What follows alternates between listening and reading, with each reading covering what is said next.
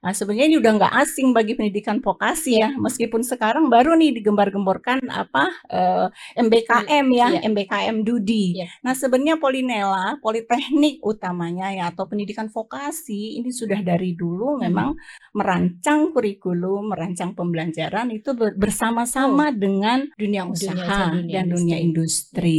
Nah, itu yang membedakan baik dalam pencapaiannya hmm. nanti ya, jadi lebih banyak uh, keterampilan dibandingkan dengan uh, pengetahuan yep. ya karena 70% kegiatan kita adalah praktik, praktik dan ya. 30 persennya adalah teori.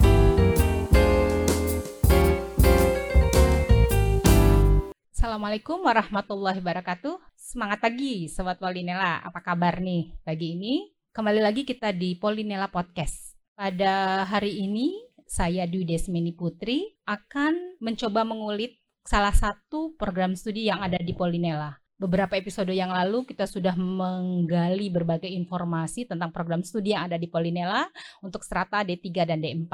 Dan ini spesial momen pada pagi ini kita akan menggali informasi tentang satu-satunya program studi eh, magister terapan yang ada di Provinsi Lampung dan juga di Sumatera bagian selatan dan adanya di Polinela nih yaitu program studi Magister Terapan Ketahanan Pangan. Pada pagi ini saya ditemani oleh narasumber Ibu yang cantik yang merupakan ketua program Magister Terapan Ketahanan Pangan. Kita sapa dulu ya narasumber kita pada pagi ini. Assalamualaikum warahmatullahi wabarakatuh. Ibu Dr. Irma Yaninur. Bagaimana Ibu kabarnya pagi ini? Waalaikumsalam warahmatullahi wabarakatuh. Alhamdulillah sehat Bu Dwi. Terima kasih. Sudah siap ya kita akan menggali berbagai informasi ya Bu ya. tentang Magister Terapan Ketahanan Pangan. Oke, okay, boleh Bu Dwi. Iya. Apa yang mau digali? Ya. Yuk kita ngobrol. Uh, baik nih uh, Sobat Polinela. Uh, banyak nih yang uh, sobat-sobat Polinela yang ingin tahu lebih dalam tentang satu-satunya magister terapan ya di garis bawahi magister terapan yang ada di institusi kita ini. Nah, dari awal deh kita gali dulu tentang sejarah berdirinya. Sejarah munculnya uh, program studi magister terapan yang ada di Polinela. Bisa Bu di-share informasinya nih. Sejak kapan sih kira-kira uh, mulai dirintis gitu ya adanya uh, magister terapan di uh, Polinela ini? Oke, kita mulai ya dari tahun 2017 hmm. ya. Ketika itu uh, Polinela telah memiliki uh, tiga doktor ya pada bulan Mei kalau saya nggak salah ya. Kemudian bertambah, bertambah, bertambah sehingga pada tahun 2017 akhir itu kita punya uh, enam doktor. Hmm, yep. Nah, lalu terpikir memang e, perencanaan pendirian hmm. magister terapan ini sudah dimulai sebelumnya melalui program PEDP oh. yang saat itu Polinela mendapatkan hibah PEDP hmm. yang digagas e, oleh e, almarhum Bapak Rahmat Edison oh, ya. Iya. Kita patut bersyukur dan yeah. berterima kasih kepada beliau atas uh, ide-idenya. Lalu kita mulai mendirikan pada tahun 2017 uh, program studi ini dirintis Kemudian kita mengajukan uh, setelah beberapa kali proses ya oh, yeah. penyusunan proposal ya karena kita adalah terapan -huh. atau vokasional maka -huh. vokasi itu kan jelas harus sesuai dengan kriteria industri ya kita, uh, kebutuhan masyarakat baik industri pemerintah daerah uh, maupun dunia usaha. -huh. Nah kita menyusun kurikulum di awal itu bersama dengan narasumber beberapa dari industri, beberapa dari perguruan tinggi juga uh, dalam penyusunan proposal. Tahun 2017 kita usulkan Uh, tetapi belum beruntung ya saya katakan. Belum ya belum ya bu ya? Belum hmm. belum beruntung. Jadi kembali lagi proposal itu hmm. untuk diperbaiki ya. Diperbaiki kemudian kita ajukan lagi pada tahun 2018 hmm oh rupanya belum beruntung lagi oh, gitu. itu bu ya, ya, ya. kita telusuri kenapa belum beruntungnya oh ternyata uh, database dosennya itu uh, dinilai linearitasnya hmm. karena belum linear maka kita usulkan lagi dan uh, susun lagi dosen-dosen home base termasuk hmm. uh, untuk uh, apa pengelolanya ya yang linear sesuai dengan nama prodinya yaitu ketahanan pangan. Nah, kita usulkan lagi tahun 2019. Mm -hmm. Alhamdulillah Oh. 2019 akhir bulan November kita presentasi ke LL Dikti itu ya Hmm. lolos dan dikeluarkanlah SK dari Menteri pada tanggal 31 Januari tahun 2019. Ya, jadi 2019 ya. ya, Oh. 2019 Bu, Januari itu terbit eh, eh sorry 2020 ya. Ya, Kita 19 mengajukan. 31 Januari 2020 terbit SK dari Menteri, lalu kita merancang untuk mulai menerima prodi eh, mahasiswa baru pada tahun akademik 2020-2021 Mhm. dan terselenggaralah pada tahun 2020. Di ya. semester ganjil 2020 Semester ganjil ya, 2020. berarti ya, Ah, ya, pada bulan September ya, ya. mulai Iya, mulai iya, perkuliahannya. Jadi gitu Bu Dwi ya, jadi nggak sekali gol, Hmm, dua kali ya belum. Jadi sampai tiga kali ya sampai tiga ya. kali ya. Iya, Apa yang pelajaran yang bisa kita ambil dari sini? Hmm. Jangan pernah kita berputus asa. Baru sekali, dua kali gagal, Iya. terus nggak mau coba Iya, ya. iya, iya, iya. Sementara ini udah kebutuhan mendesak sekali, Iya, ketahanan pangan Iya. ya. Kebutuhan pangan kita terus meroket. Penduduk kita eh sorry, penduduk kita terus bertambah, tapi ketahanan pangan kita mulai goyah. Apalagi kondisinya sekarang ya, iya, pandemi. iya. Ah, jaminan untuk ketahanan pangan itu sangat diperlukan.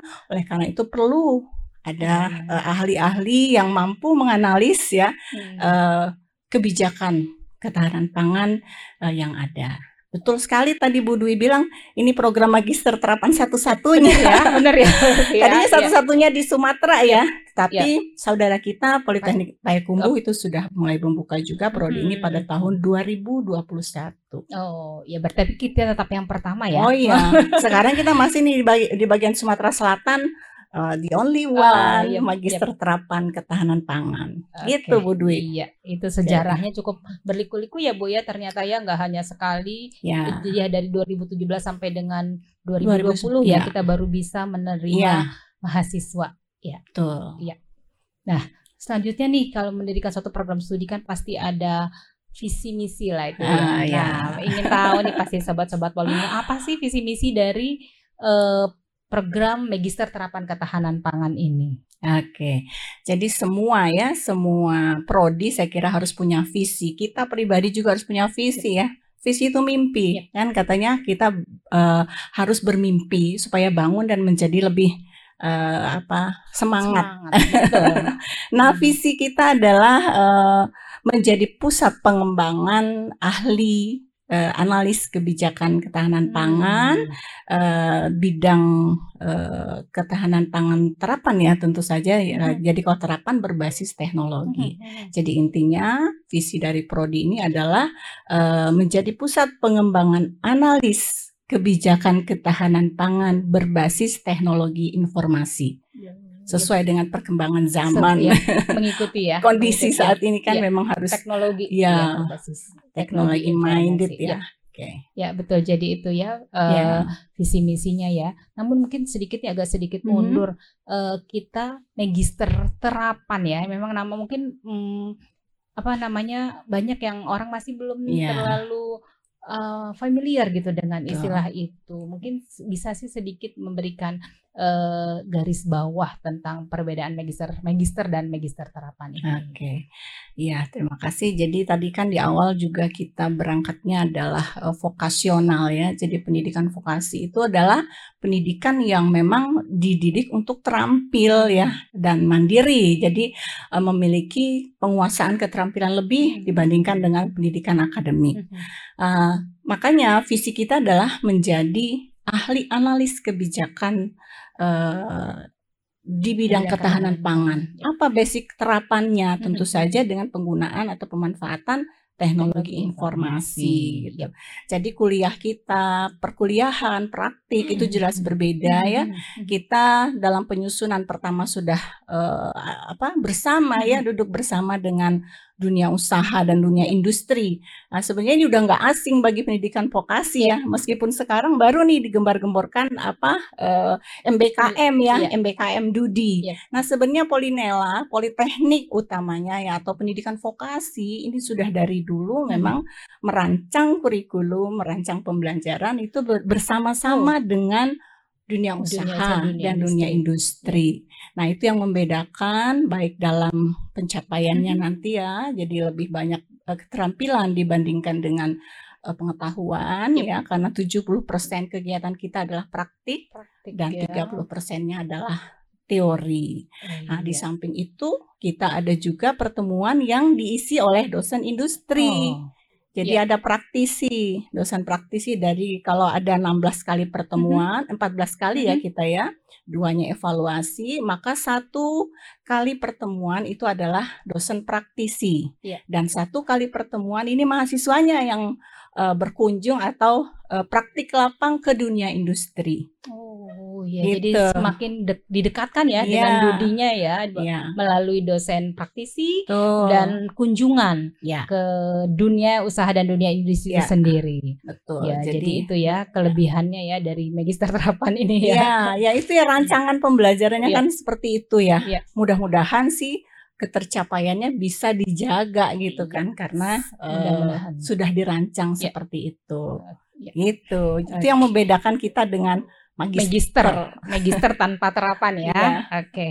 ya itu ya informasinya tentang uh, perbedaannya gitu ya, ya dengan de tentang visi misinya dan selanjutnya nih tadi uh, Bu Irma juga sudah menyampaikan tentang uh, salah satu ya profil mm-hmm. lulusannya mm -hmm. untuk uh, analis ya. kebijakan. Nah kira-kira apa lagi Bu uh, uh, profil dari lulusan profile. dari MTKP ini. Iya.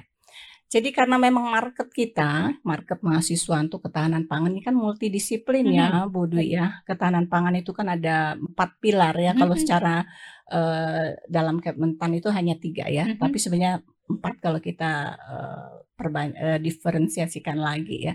Jadi pertama adalah sisi produksi, hmm. kemudian sisi uh, apa distribusi dan uh, stok ya, yeah. stok dan distribusi, kemudian yang ketiga adalah diversifikasi dan hmm. keamanan pangan. Jadi karena ini multidisiplin ya, maka uh, apa uh, market kita itu adalah sebenarnya uh, mahasiswa uh, apa masyarakat, ya, masyarakat ya, masyarakat Uh, tetapi bukan tidak membuka juga ya untuk fresh graduate hmm. itu yang memiliki apa minat ya, minat dan passion ke arah uh, itu bisa menjadi mahasiswa kita.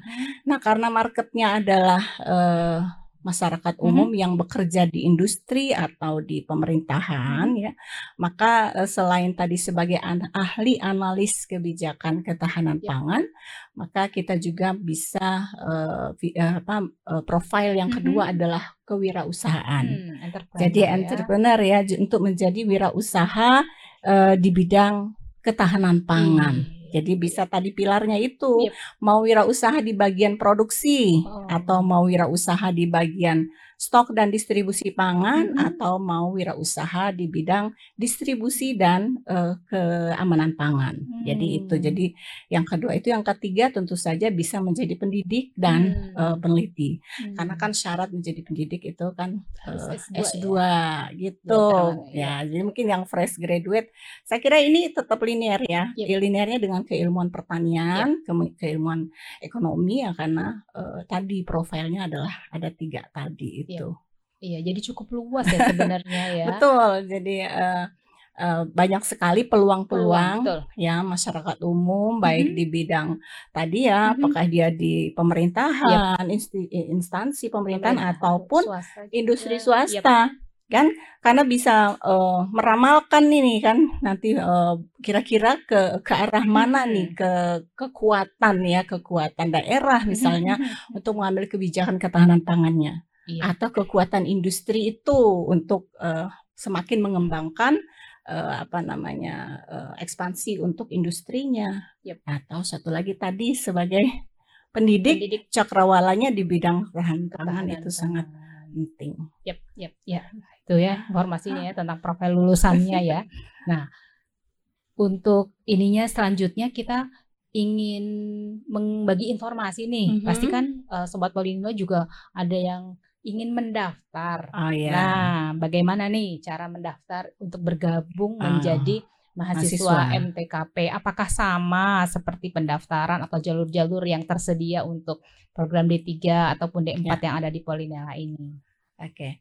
Eh, jadi eh, sobat Polinela ya, eh, bagi yang berminat, saya kira bisa membuka web kita ya. Di web Polinela itu ada linknya untuk ke eh, magister terapan ya. Jadi pasca sarjana ya. Mhm. eh, apa web kita adalah pasca sarjana CID, tetapi juga Anda bisa buka di web polinela.ac.id. Nah, di situ ada link PMB. Mhm. eh, anda bisa juga buka di situ bagaimana tata cara untuk melakukan pendaftaran. Eh, saya kira untuk yang eh, magister terapan Mhm, atau mhm. pasca sarjana ini lebih fleksibel sifatnya. Gitu. Kita hanya ada satu jalur Jalur. penerimaan yaitu melalui eh, tes ya atau eh, validasi untuk eh, berkas Mhm. kemudian dan wawancara. Jadi hanya ada satu jalur, tetapi kita eh, membuka pendaftaran cukup panjang waktunya nih Hmm. Bu Dwi ya. Yap. Tapi mohon maaf harus kita bagi dalam gelombang. Mhm, mhm. Karena tadi ya Bu Dwi pertama kan bertanya bagaimana perbedaan pendidikan Yap. vokasi ya dengan yang akademik. Mhm. Nah, kita menjaga satu kelas itu hanya eh, untuk 20. Hmm. Oleh karena itu kita bagi menjadi gelombang. Kalau dalam satu gelombang pertama kita sudah eh, tercukupi, maka eh, kita melihat kemampuan sarpras dan SDM kita. Yap. Kalau memungkinkan untuk dibuka dua kelas, Mhm. maka kita buka lagi gelombang kedua dan seterusnya. Tetapi kalau pada gelombang pertama kita belum mencapai minimal 20 per Mhm, kelas, mhm. maka kita buka lagi gelombang kedua dan seterusnya sampai gelombang Oh, ketiga. Nah, eh, waktu pendaftaran ini sejak mulai bulan April sampai dengan Oh. Agustus. Jadi panjang tuh. Panjang ya? Ya. Jadi mahasiswa yang baru lulus ya. Oh iya, ada bisa nih siap-siap. Iya, mahasiswa yang diwisuda pada bulan-bulan April ya. Ada kan kita Yap, wisuda yap. bulan April. Kemudian ada nanti wisudanya yang berikutnya yaitu bisa eh, kalau berminat eh, mendaftar ya, bisa melalui web pasca kita, bisa juga kita open untuk yang eh, apa datang langsung Oh, ya. masih bisa menerima ya Masih datang bisa, langsung? Ya masih kita ini dengan tentu saja ya masa pandemi ya Dengan penerapan prokes prokes ya, yang ketat iya, ya, iya, iya, gitu. oke. Ya, Gitu, gitu. jadi kita baru satu jalur ya Bu ya. Ya, Dan sekarang ini sudah eh, gelombang berapa nih masuknya nih?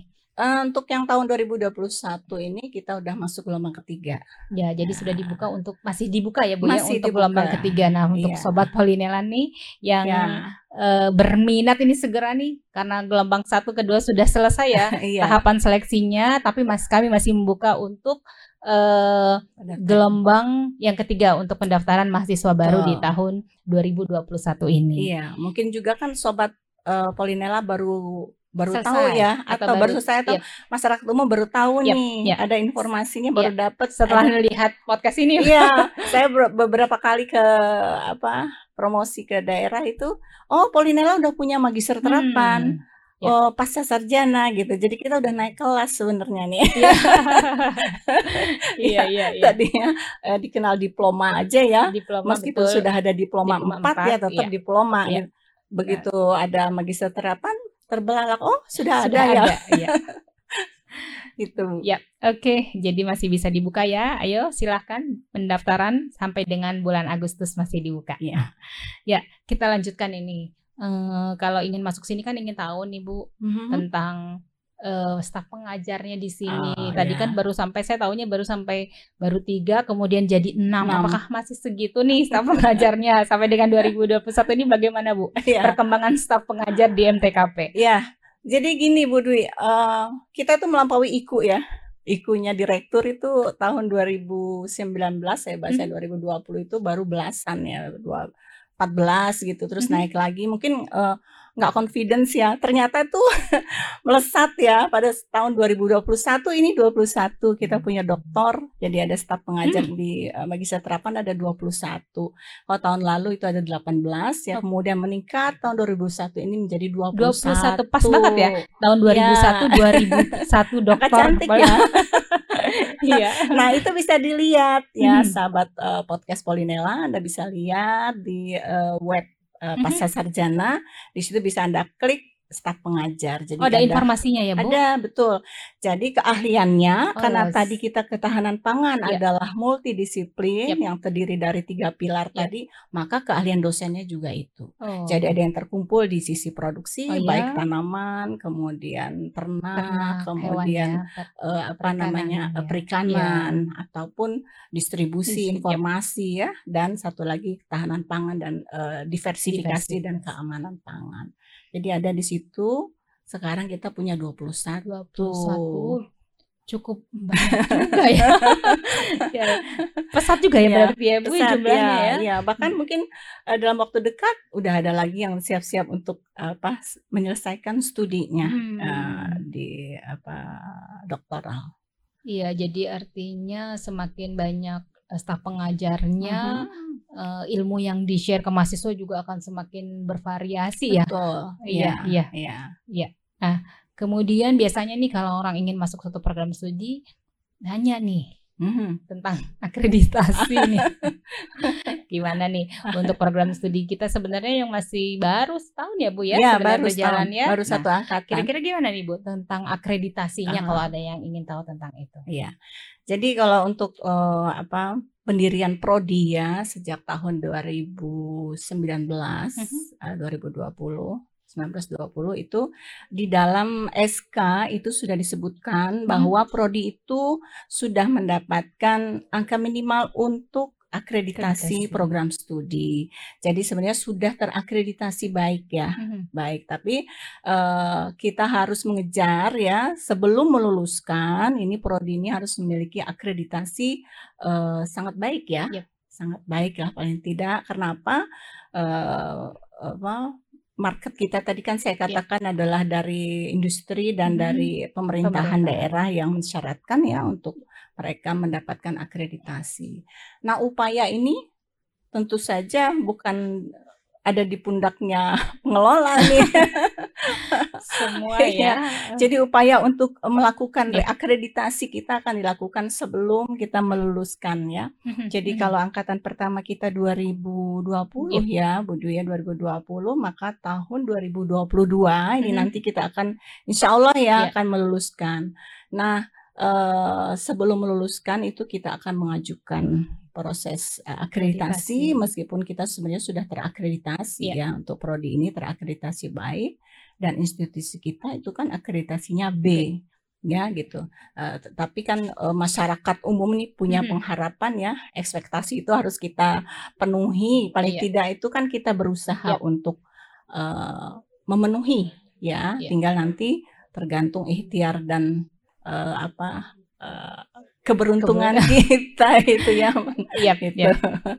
Gitu saya kira. Iya, eee, jadi memang kita eee, MTKP sedang merencanakan untuk Iya, betul. melakukan akreditasi Iya. ya, Bu, sehingga di tahun 2022 Iya. begitu mahasiswa lulus, Iya. itu sudah kita sudah menerima, mendapatkan akreditasi. akreditasi, ya. Ya.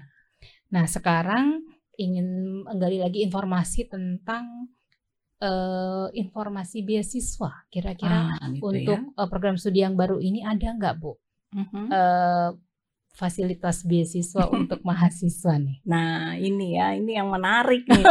Menariknya beasiswa suka ditanyakan adalah untuk yang fresh graduate Iya. sering kali bertanya ya Iya. mereka gitu, "Ada nggak Bu peluang beasiswa?" Iya. Nah, kalau untuk, eee, apa, masyarakat umum Mhm. ya dari, eee, industri atau dari instansi Mhm. pemerintahan yang sudah mendaftar di kita, itu memang untuk tahan tahun pertama kita belum ada Mhm. beasiswanya.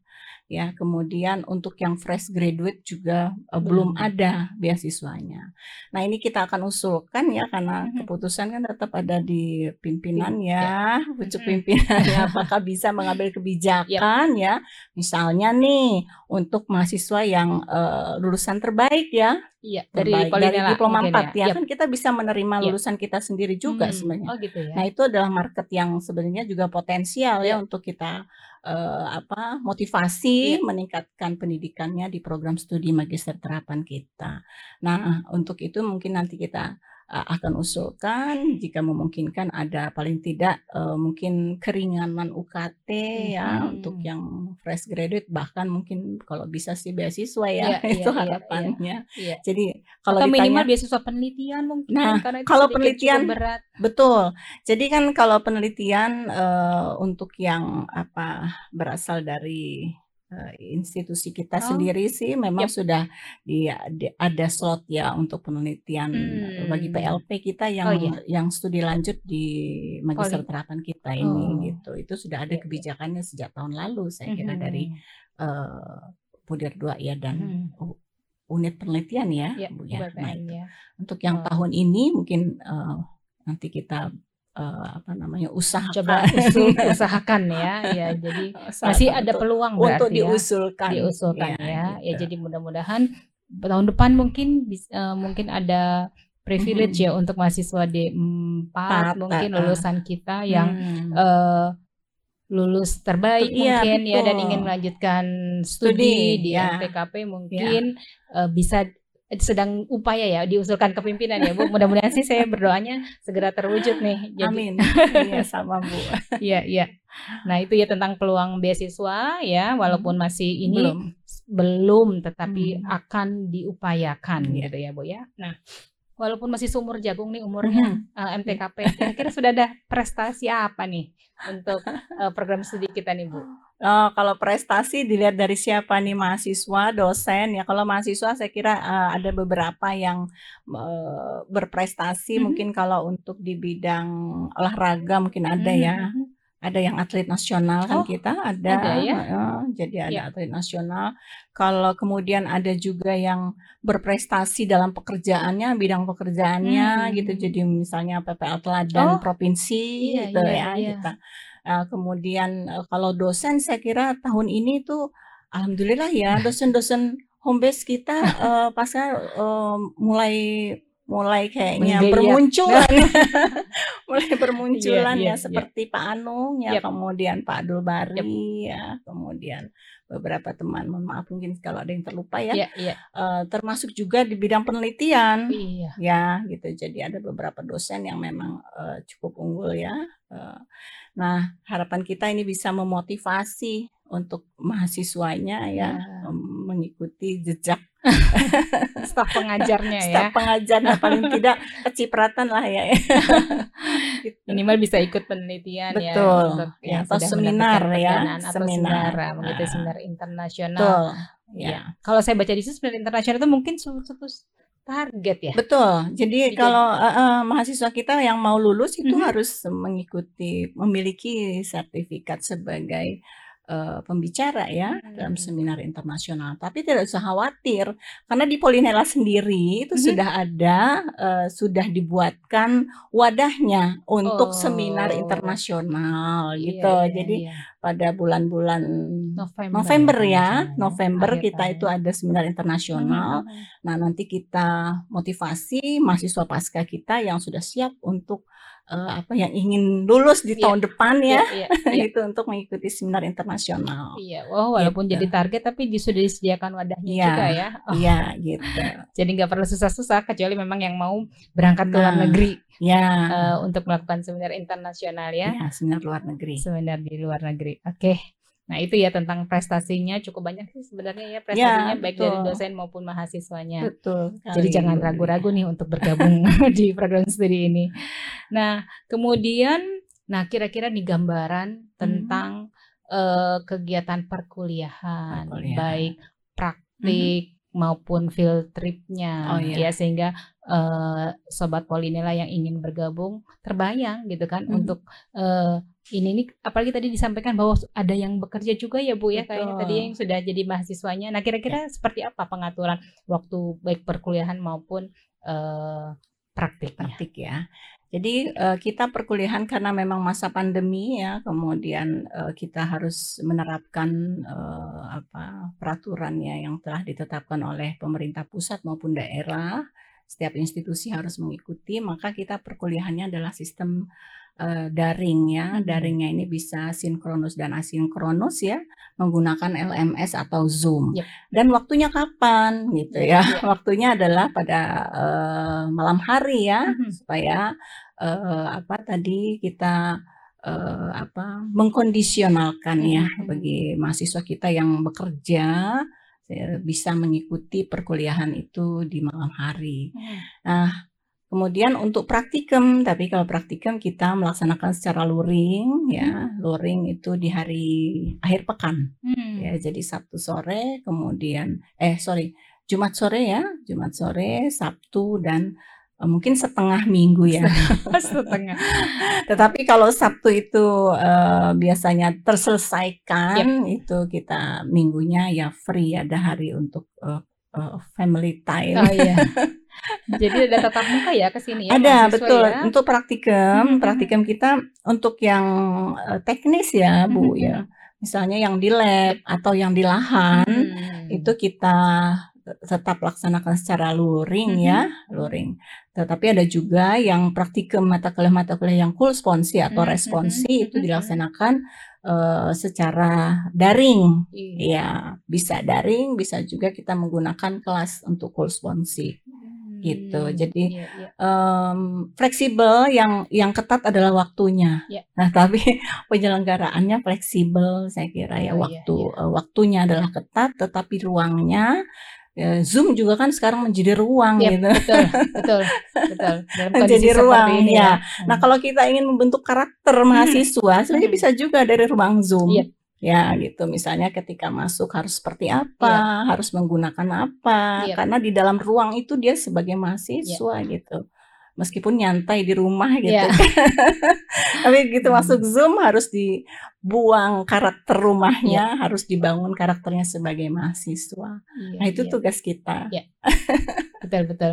Ya jadi uh, hampir sama ya dengan uh, mahasiswa uh, D3 atau D4 betul. kita tetap uh, melaksanakan uh, kuliahnya secara daring, daring. ya, tetapi yeah. waktunya di malam hari ya. Ya, di malam Jadi hari. Uh, ya. staf pengajarnya lumayan juga ya Bu, pagi ngajar uh, di D3 dan D4, malamnya mengajar di MTKP ya. Iya, supaya ini ya fokus ya, fokus uh, pada uh, anu ya, proses ya. Kita yep. kita kita nggak berorientasi hanya pada hasil. Yep. Kalau udah magister itu sebenarnya yang mau kita bangun ya di dalam diri uh, karakter mahasiswa kita adalah prosesnya, ya. bagaimana berproses untuk menjadi lebih baik itu ya. Ya, ya benar-benar. gitu. Ya. Walaupun tetap ada tatap muka ya, Bu ya, karena ada. untuk praktiknya ya, di kita Praktik. tetap memfasilitasi. Ya, ya, karena kan lab, bagaimana mungkin ya. lab kita uh, apa? gantikan ya, susah ya masih belum ya kita bisa menggantikan. Iya, nanti ya. semuanya digital, menanam padi digital. Ya, ya. ya. Walaupun kira -kira kita gitu. tetap menerapkan prokes ya. Prokes uh, ya, karena kalau di lahan saya kira nggak uh, anu ya, nggak terlalu bermasalah ya. ya di lahan terbuka meskipun mahasiswa tetap menggunakan prokes ya. Eh, uh, uh, prokes ya. Di lab juga seperti itu. Mahasiswa kita kan jumlahnya 20 ya, ya. itu tadi makanya saya katakan kita nggak bisa uh, apa berandai-andai lebih dari itu ya. untuk satu kelas ya. Karena ya, selain kapasitas sarana betul, prasarana ya. Sarpras ya. satu kemudian saya uh, ya alhamdulillah kondisinya memang saat ini nggak boleh lebih dari 20 ya. orang. nggak boleh berkerumun. Iya, oke. Okay. Ya, itu informasi tentang kuliah dan praktik. Nah, satu deh terakhir nih Bu pertanyaan. Hmm. Uh, tadi ada disampaikan tentang kegiatan field trip ya. Oh iya, ada field nah, trip. Nah, kira-kira informasi tentang field trip ini apa sih bentuk kegiatannya? Hmm. Kemudian dia termasuk mata kuliah apa atau bagaimana? Nah, mekanismenya terutama uh, pelaksanaannya nih di saat sekarang seperti uh, ya. pandemi ini. Ya. Jadi field trip itu sebenarnya adalah praktik lapang, hmm. praktikum ke industri ya. ya. Jadi uh, setelah mahasiswa kita mendapatkan praktikum di lab, bagaimana misalnya prosedur di lab ya, misalnya uh, penanganan pangan atau produksi ya, uh, ya. Kemudian kita melakukan juga praktikum lapang hmm. ya dengan melakukan kunjungan hmm. kunjungan pada industri kalau dia adalah mata kuliah mata kompetensinya untuk yang tadi industri misalnya untuk uh, diversifikasi pangan, keamanan pangan, kemudian produksi ya. Tetapi untuk mata kuliah yang basicnya adalah kebijakan, Mhm. maka kita uh, field trip atau kunjungannya adalah ke masyarakat, Hmm. desa, Yap. atau uh, kelompok-kelompok tani gitu ya, seperti itu untuk melihat perkembangan kebijakan pemerintah di bidang ketahanan pangan, bagaimana Hmm. penerapannya. Nah, field trip ini dilaksanakan uh, mungkin lebih familiar field trip ya di Poli Polinela sebutannya ya. Trip ya. Ya kalau uh, sebenarnya praktik ya, itu adalah Praktik ya, kegiatan iya. praktikum. Jadi di iya, jadi ada mata kuliah-mata kuliah yang memang uh, Harus harus ya. lihat ya begitu ya Ya. di industri seperti Seperti- apa ya. sih gitu paling Ya. tidak compare ya Ya.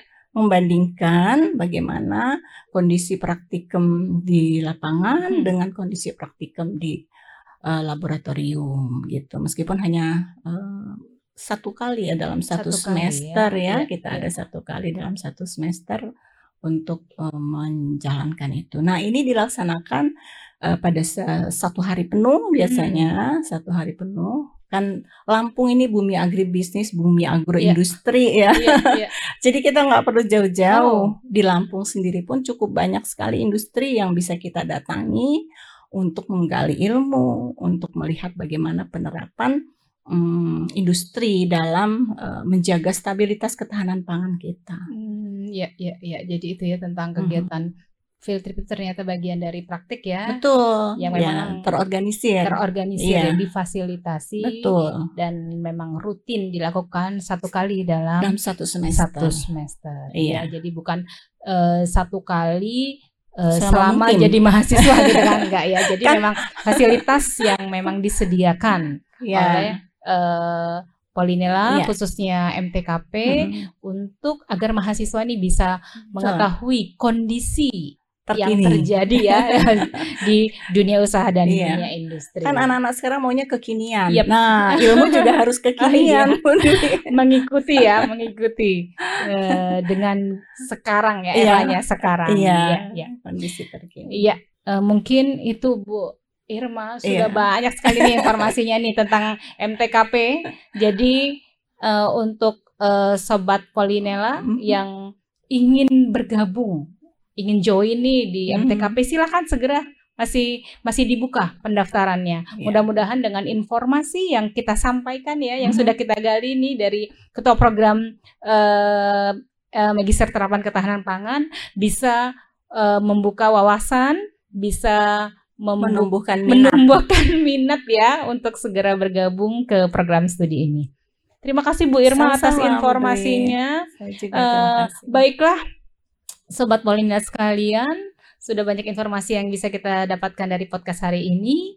Eh, saya mohon maaf jika informasi eh, atau ada kata-kata yang kurang berkenan. Kita eh, tutup acara podcast hari ini. Eh, Assalamualaikum warahmatullahi wabarakatuh. Semangat pagi.